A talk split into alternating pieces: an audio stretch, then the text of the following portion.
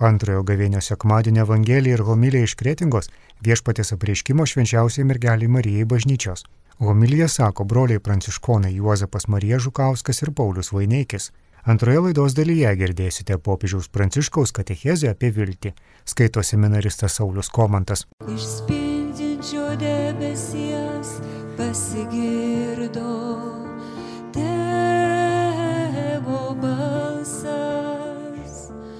Šitas yra mano mylimasis sunus, klausykite jo šlovė. tau, Kristau. Amžinosios garbės karaliau. Viešpats su jumis. Pasiklausykite Šventojios Evangelijos pagal Morkų. Anu metu Jėzus pasiėmė Petrą, Jokūbą ir Joną ir užsivedė juos vienus nuošaliai ant aukšto kalno. Ten jis atsimainė jų akivaizdoje. Jo drabužiai ėmė tai baltai spindėti, kaip jų išbalinti negalėtų joks skalbėjas žemėje. Jiems pasirodė Elijas ir Mozė, kurie du kalbėjosi su Jėzumi. Petras ir sako Jėzui, rabi, dera mums čia būti. Pastatykime tris palapines. Vieną tau, antrą Mozei, trečią Elijui. Jis nesižinojo, kas akas, nes jie buvo persigandę. Užėjo debesis ir uždengė juos, o iš debesies nuskambėjo balsas. Šitas mano mylimasis sunus, klausykite jo. Ir to jau vėl apsižvalgę, jie nieko prie savęs nebematė, tik vieną Jėzų. Besileidžiant nuo kalno, Jėzus liepė niekam nepasakoti, kai jie buvo matę, kol žmogaus sunus prisikels iš numirusių. Ji gerai įsidėmėjo šį įsakymą ir svarstė, ką reiškia prisikelti iš numirusių. Girdėjote viešpaties žodį. Esame gavėnios kelyje, kelyje, kuris galiausiai mus atves į Kalvarijos kalną, pakvies suklupti po viešpaties kryžiumi ir galiausiai padarys mus prisikelimo liudininkais. Tačiau tas kelias tikrai nėra lengvas, jis pilnas ir išbandymų. Ir šiandienos pradžios knygoje mes skaitome apie patriarchą, tikėjimo tėvą Abraomą, kurio tikėjimas irgi buvo išbandytas, galima sakyti, netgi žiaurių būdų, kuomet viešpat sako, žinai, Abromai, lengva kalbėti, bet noriu, kad parodytum, ar tikrai manim tiki ir kaip ženklą to savo tikėjimo prašau, paukok man savo sūnų. Nežinau, kuris iš tėvų nesudrebėtų, nežinau, kurio širdis nesusitrauktų ir kas nesakytų, nu viešpatie, žinai ką, čia jau truputį per daug. Ir skaitant tokius liudijimus, prisimena tėvę mūsų maldo žodžiai, kur mes irgi maldoje sakome viešpatie, neleisk mūsų sugundyti. Nes tie išmėginimai ateina, rodos, ne visuomet iš Dievo, bet ir piktasis prikiša savo pirštą prie šių išbandymų ir į atmintį sugrįžta kitos švento rašto vietos, būtent Jobo knyga, kur pasakojama apie didžiulį susirinkimą Dievo sostomenėje, kur angelai ateina pasakyti Dievui, kaip ir kas gyvena. ir viešpats su pasididžiavimu sako, o ar matėte mano tarną Jobą? Ar matėte, koks jis teisus ir kaip uoliai laikosi Dievo įsakymu? Ir čia neaišku, iš kur įlenda šetonas, įlenda velnės ir sako, a Dieve, tu nepažįsti žmonių širdies, tu nepažįsti Jobo. Jis tavimi tiki, tavimi pasikliauja vien todėl, kad jam gerai sekasi. Bet tik atitrauk savo ranką nuo jo ir pamatysi, kaip jis tave jisai keikti, jums tave užgaulioti ir tavęs išsižadės. Nes velnio darbas tai ir yra - kiršinti, skūsti, meluoti. Jo darbas yra visaip mus bandyti. Ir tie išbandymai kartais būna tikrai per dideli. Ir žvelgiant į tuos didžius tikėjimo vyrus, aš iš ties irgi sakau viešpatie, neleisk mane sugundyti, nes esu silpnas žmogus ir tikrai neištverčiau tokių išbandymų. Bet matome, kad Abraomas pasitikė viešpačiu ir galiausiai tas jo pasitikėjimas išvirsta į Dievo priesaiką, dėl to, kad tu manim tiki, aš prisiekiu savim pačiu, kad nenusigręšiu nuo tavęs ir nuo tavo palikonių. Ir galiausiai Dievas pats atsiunčia savo sūnų, pats parūpina mums auką, parūpina tą vinėlį, kuriuo būsime išgelbėti, kuriuo būsime atpirkti. Visi šie išbandymai, tie sunkumai buvo pakeliami vien dėl to, vien dėl to, kad tie tikėjimo vyrai žinojo, kad juos remia Dievas. Jie žinojo, kad turi tvirtą užnugarį ir todėl jie galėjo eiti į priekį. Bet tą tvirtą tikėjimą gali turėti tik tais tuo met, jei turi ir tyrą sąžinę. Kaip psalmiai labai gražiai sako, viešpaties akise didžiai brangus, mirštantis jo teisėjai. Teisusis, kuris net patiria išbandymus ir persikėjimus, nesusviruos, nes žino, kad jo atrama yra viešpats. Todėl šiandien melskime Dievą teisumo savo patiems. Melskime darybių pilnatvės, nes išmėgintas bus mūsų tikėjimas, bus išmėginti mūsų pasiryžimai. Ir kiekviena silpnybė, kiekvienas suklupimas mums bus prikištas ir parodytas. Ir tuomet mes galbūt išsigasime. Tuomet mes sakysime, esu nevertas stoti Dievo akivaizdon.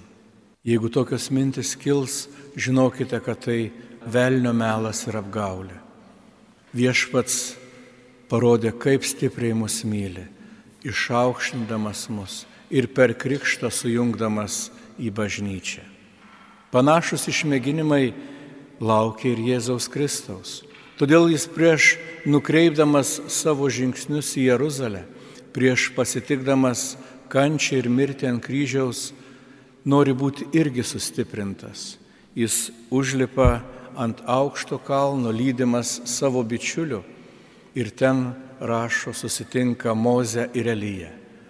Tuos didžiuosius patriarchus, kurie atstovauja pranašus ir įstatymą. Ir yra jų sustiprinamas, kad visa, ką daro, yra paremta pranašų žodžių ir visa yra teisų Dievo kise. Dar daugiau, pats viešpats prabyla iš dangaus ir sako, šis yra mano mylimasis sunus. Jo klausykite, juo pasitikėkite.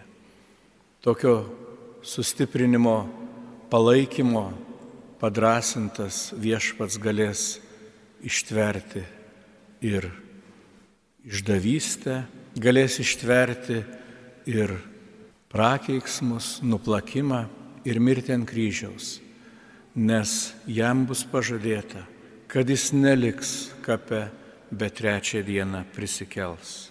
Todėl ir mes melskime, kad turėtume tokią viltį, pasitikėjimą ir tikėjimą viešpačiu kad nežiūrint visų išbandymų, jis bus su mumis.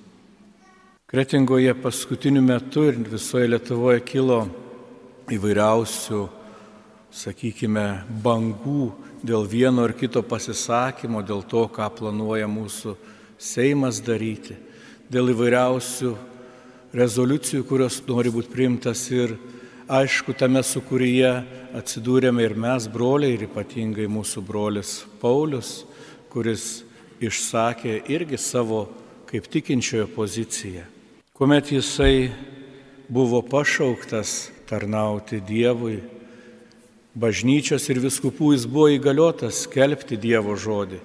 Bažnyčios buvo įgaliotas skelbti moralinės vertybės ir jis tą darė taip, kaip sugebėjo, kaip išmanė.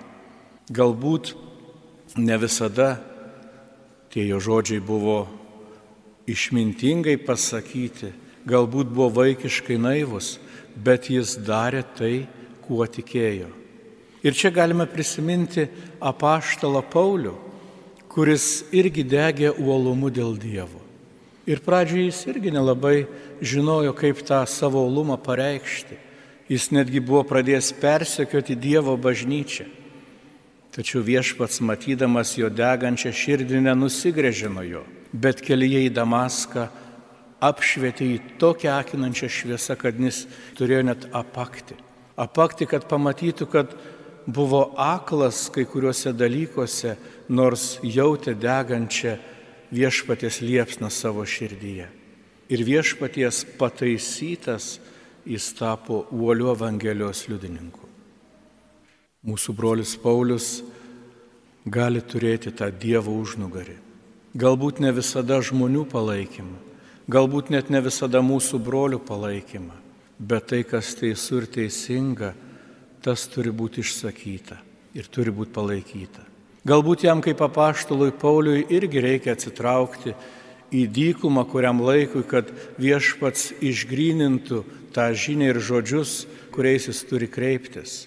Bet tiesa negali būti paslėpta, geroji žinia negali būti nutildyta. Todėl išreiškėme jam palaikymą, išreiškėme jam mūsų brolystę ir melžiam Dievo išminties, kad rinkdamasis kartai žodžius, rinkdamasis priemonės, rastų tinkamą būdą išsakyti tą gryną Evangelijos žinę, kad ji nebūtų užgošta žmogiško silpnumo, kad nebūtų užgošta emocijų, bet kad su meile, su pasitikėjimu būtų išsakyta tai, kuo tikime ir tai, ką skelbėme. Noriu paprašyti, kad ir pats brolis Paulius tartų keletą žodžių. Šiandien, kada klausėmės Dievo žodžio ir e, taip pat mūsų klebono Juozapo homilijos, ten tokia labai graži vieta šiandien yra viešpats Jėzus savo mokinius, ne visus, tris, užsiveda ant aukšto kalno ir užsivedęs ant aukšto kalno jiems parodo horizontus. Paskui viešpas Jėzus apreiškia savo šlovę. Jo šlovė ateina Mozė, kuris reiškia visus pasaulio įstatymus, nes Mozė atstovauja Dievo taisyklės, Dievo žodžius šitoje planetoje. Šalia Mozės Jėzaus šlovė ateina ir pranašas Elijas kuris atstovauja visas pranašystės, kuris buvo išsakytos nuo pat žmonijos egzistavimo pradžios. Jie visi buvo pakviesti dalyvauti šioje Dievo šlovėje ant to kalno. Ir galiausiai juos apdengė viešpaties šlovės debesis, jie buvo nuostabiai šviesoj, jie gavo nušvitimą, jie žinojo, ką daryti Ir dangiškasis tėvas tada užtvirtino, parodydamas į savo sūnų Jėzų ir sakydamas, kad nuo šiol, kad jūs žinotumėte, visi pasaulio įstatymai, visos teisės, kurios bus kada nors paskelbtos Žemės planetoje, jos atiduodamos į mano sūnaus Jėzaus Kristaus rankas. Šis yra mano mylimas sūnus, kuriuo aš geriuosi. Nežinau, ar mane kas pažįstate ar ne, bet aš ne visada buvau tikintis. Ir um, mano tėvai, jie yra paprasti žmonės. Mano tėvas kovojo už Lietuvos laisvę. Mano senelis Karolis Vaineikis kovojo už mažutėlių teisės. Jis vertė carą. Štai buvo suimtas ir pasmerktas sušaudyti. Mano tėvo brolis Petras, kitas tėvo brolis, mano dėdė Povilas, užėjus okupantams, jie stojo ginti Lietuvos. Mano dėdė Povilas žuvo ginant Šiaulius 44 metais. Mano dėdė Petras žuvo taip pat gindamas mažųjų teisės Indokinijoje. Tėtis, kai jam suėjo 18 metų, jis buvo jauniausias. Vytautas Vaineikis. Jisai matydamas neteisybę ir žinodamas, kad partizaninis judėjimas Lietuvoje buvo nuslopintas, jisai su dar keliais savo draugais nutarė atgaivinti kovą. Veikė labai spontaniškai. Vadai buvo beveik visi suimti. Blogis triumfavo. Bet jie išdryso su grupė jaunuolių organizuoti pabėgimą 30 partizanų iš Gulagų. Jis buvo pasiustas su už, užduotimi nuvežti pasus ir organizuoti jų pabėgimą. Kaip ir tais laikais labai dažnai atsitiko, jį išdavė, jis buvo suimtas ir gavo pradžiai 10 metų. Mano tėtis keturis kartus pabėgo iš kalėjimo. Po to jam už kiekvieną pabėgimą pridėdavo dar metų ir jisai buvo nuteistas 25 metam katorgos. Atsidėjęs 15 metų, jisai grįžo į Lietuvą. Jį bandė užtildyti bolševikai, bet jiems nepavyko. Grįžęs į Lietuvą jisai pradėjo pogrindinę kovą su Lietuvos laisvės kovotojų sąjungos nariais.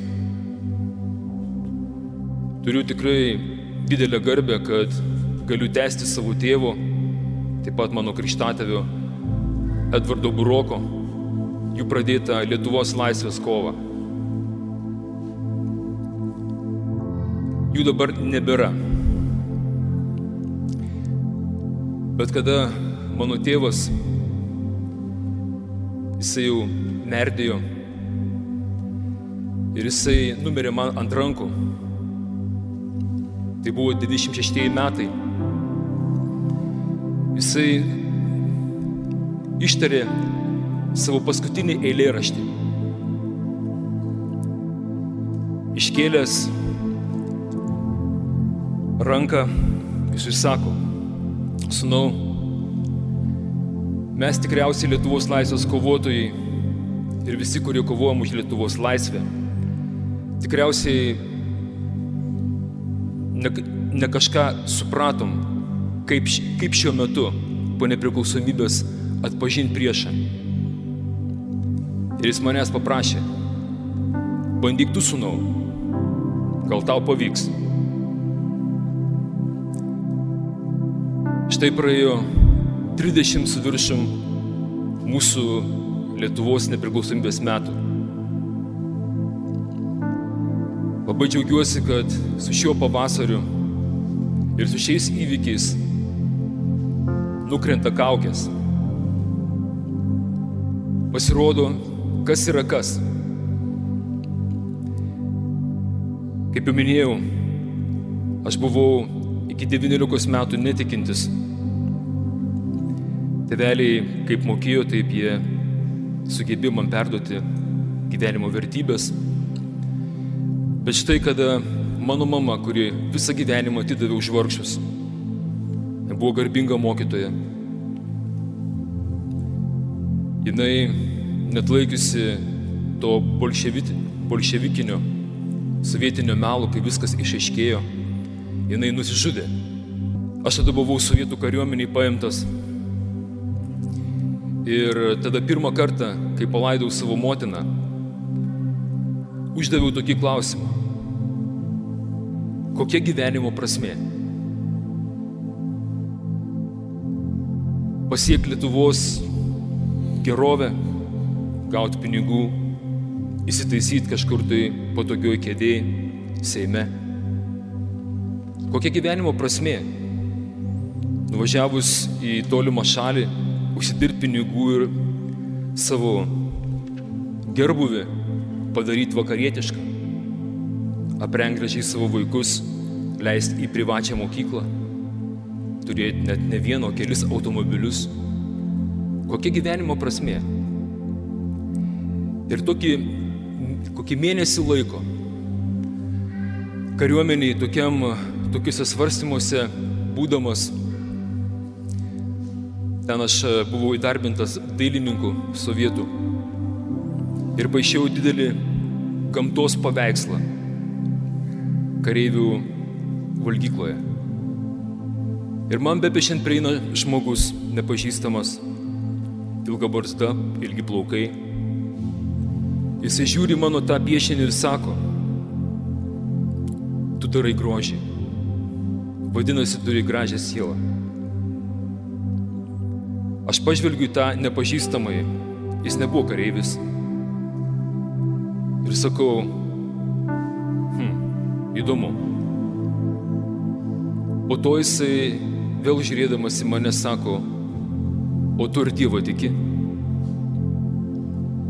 Aš matau, tu esi šiaulėtis iš pietinio rajono. Ir pas mus labai aiškiai, jeigu tu tiki, tiki, jeigu ne, tai ne. Sakau, Dievo nėra. Tom buvau įsitikinęs. Ir tada šis žmogus man pasakė, tu neskubėk sakyti, kad Dievo nėra. Tu matai masę žmonių, pilka masė žmonių, tarsi upė eina ir kviečia tave, einam paskui mus, mes žinom, kur laimė, kur rytojus. Ir tada jis toliau prabilo sakydamas, o tu sustok, tu neik su visais, tu nebūk kaip visi. Tu pakil truputį aukščiau ir tu pamatysi, kad ten, kur tave kviečia, nėra nei laisvės, nei ateities, nei rytojus. Ir kai jis man tarė tuos žodžius, aš vaizduotojai matau, mačiau tokį visiškai paprastai, natūraliai tokį vaizdą. Didžiulė masė žmonių tarsi upė eina ir jinai krenta nuo tokio krioklio ir daugiau jos nebėra. Ir tą akimirką su manimi atsitiko keistas dalykas. Ties mano krūtinė, ties va šitą vietą sprogo didžiulė, didžiulė šviesa. Aš pamačiau šviesą.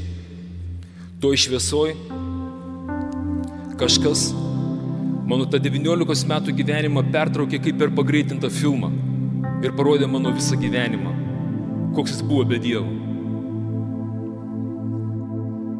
To šviesoj išgirdau balsą, taip kaip jūs mane dabar girdit.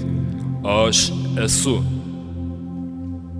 Ir vėl to šviesa ir jis man parodė ateitį, nuostabiai ir gražią. Kas su manim pasidarė, aš nežinau. Tai truko gal kelias sekundės. Nebuvo aš transė, nebuvo aš apsi, kaip sakant, apsinarkotavęs, kaip liaudis sako, buvau sveikas, pilnoj sąmoniai. Ir viskas vyko tuo pačiu metu.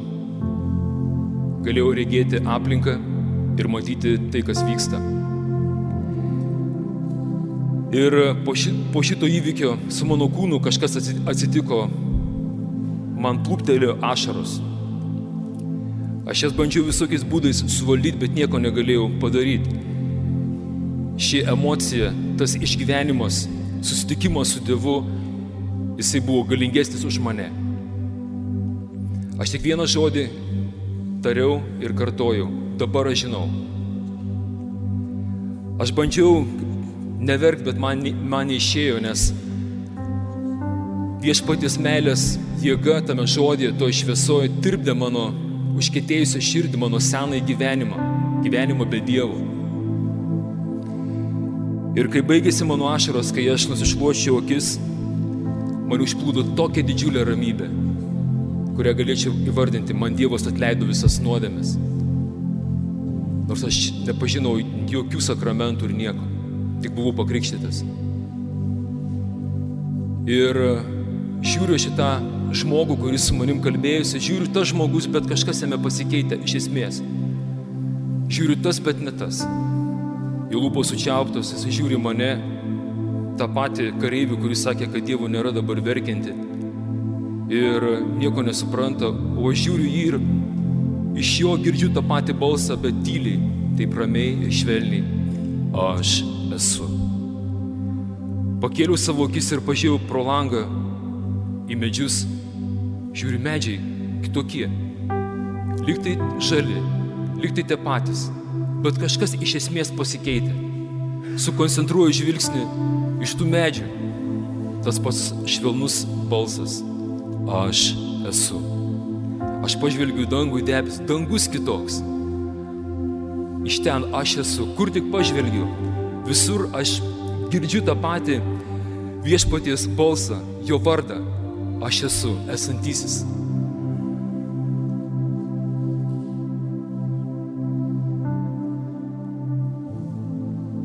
Klebonas minėjo jums vieną personažą Biblijoje, apaštalo Paulių, kuriuo jūs mane pažįstat šiuo vardu. Aš nežinau, kokią man davė užduoti viešpats, bet aš žinau, kad gal tai atėjo laikas ir norėčiau dabar Bernardo Bražionio žodžiais kreiptis jūs visus. Šaukiu aš tautą, GPU užguitą ir blaškoma į rudenio lapus, į naują vieškelį, į naują būtį, kad niekad šiaurės vėjas neužpūs. Šaukiu balsu tėvų, dievų ramovės ir jūsų krikšto atgailo šviesa. Stovėkit amžiai čia, tvirti kaip saulė stovi. Šaukiu aš jūsų protėvių dvasia. Ir norim jums pranešti, dvasinis sukilimas prasidėjo. Už Kristų, už šeimą, už Lietuvą.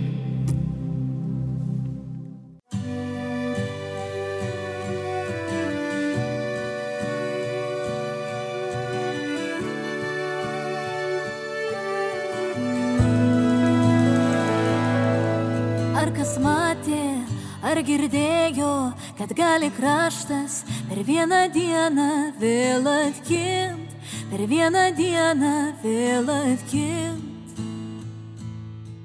Pakėlė balsą, atvėrė širdis, prieš jį suklupę, pagalbos laukėm iš dangaus, pagalbos laukėm iš dangaus.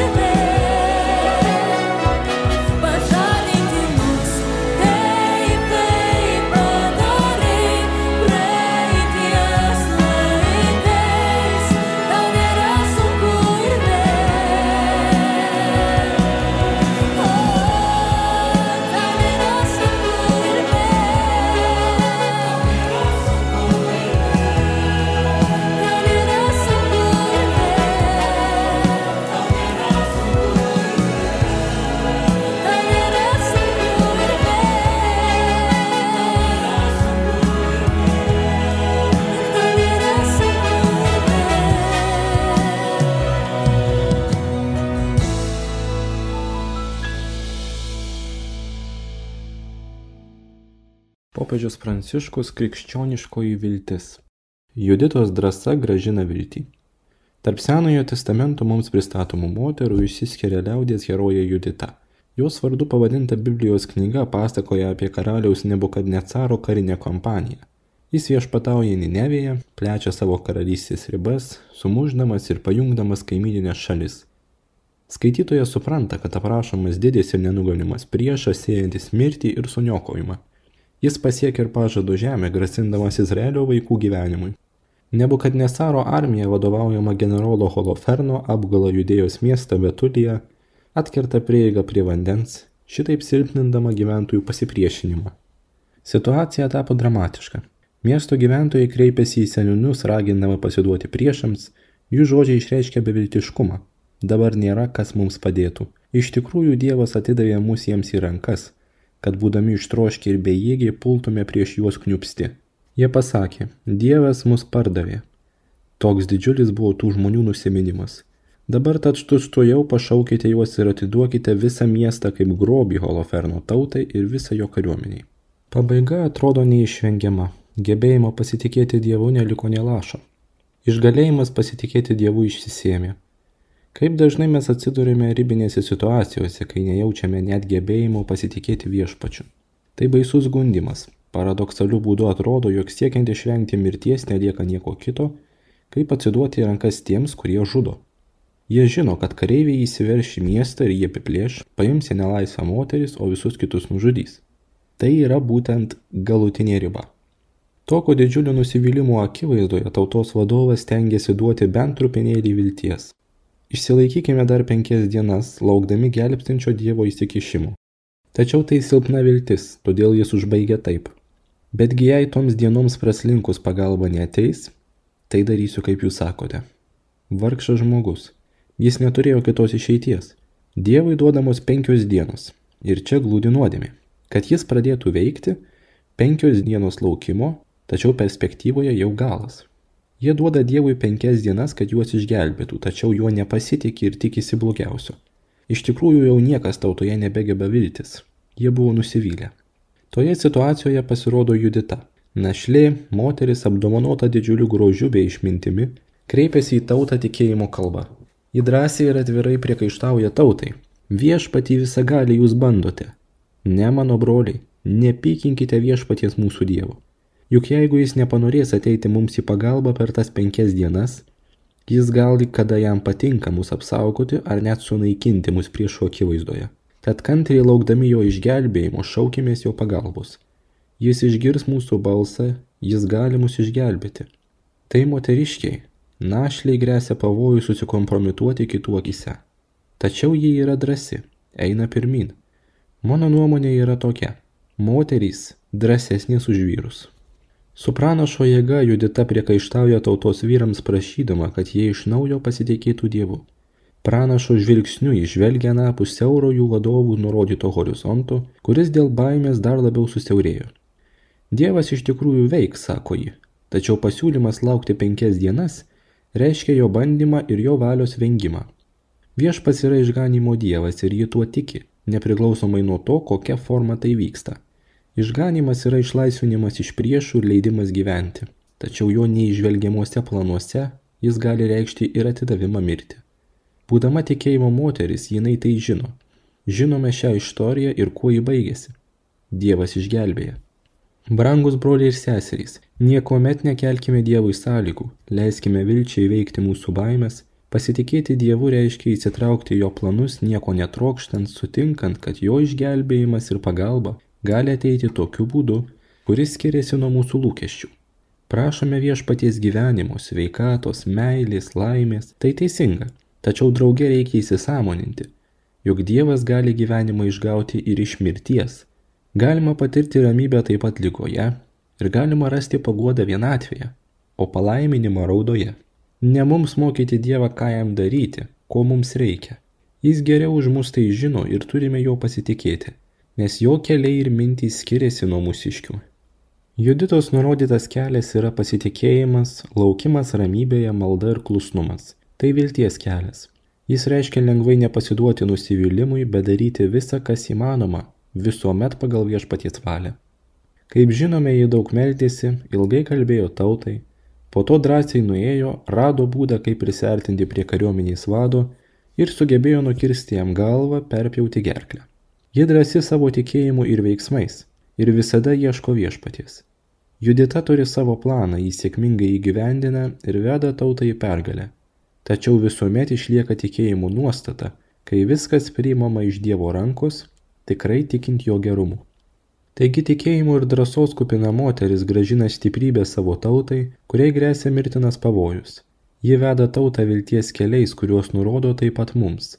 Jei truputį pagalvosime, prisiminsime, kiek daug kartų girdėjome išmintingus, drąsius žodžius iš paprastų žmonių, paprastų moterų, apie kuriuos manoma be paniekinimo, kad jie daug ką neišmano. Tačiau tai yra Dievo išminties žodžiai, močiučių žodžiai. Kaip dažnai močiutės moka pasakyti tinkamą žodį, vilties žodį, nes turi gyvenimo patirties, daug kentėjo, pasitikėjo Dievu ir viešpats apdovanoja mus viltingų patarimų. O kai eisime tais keliais, galėsime su džiaugsmu ir Velykų šviesa atsiduoti viešpačiui šiais Jėzaus žodžiais. Tėve, jei nori atimk šitą taurę nuo manęs, tačiau te būna ne mano, bet tavo valia. Tai yra išminties, pasitikėjimo ir vilties malda. Antrojo gavėnio sekmadienio Evangelija ir homilija iš Kretingos viešpatės apreiškimo švenčiausiai mergeliai Marijai bažnyčios. Broliai pranciškonai Juozapas Marija Žukauskas ir Paulius Vaineikis. Antroje laidos dalyje popiežiaus pranciškaus katechezė apie viltį.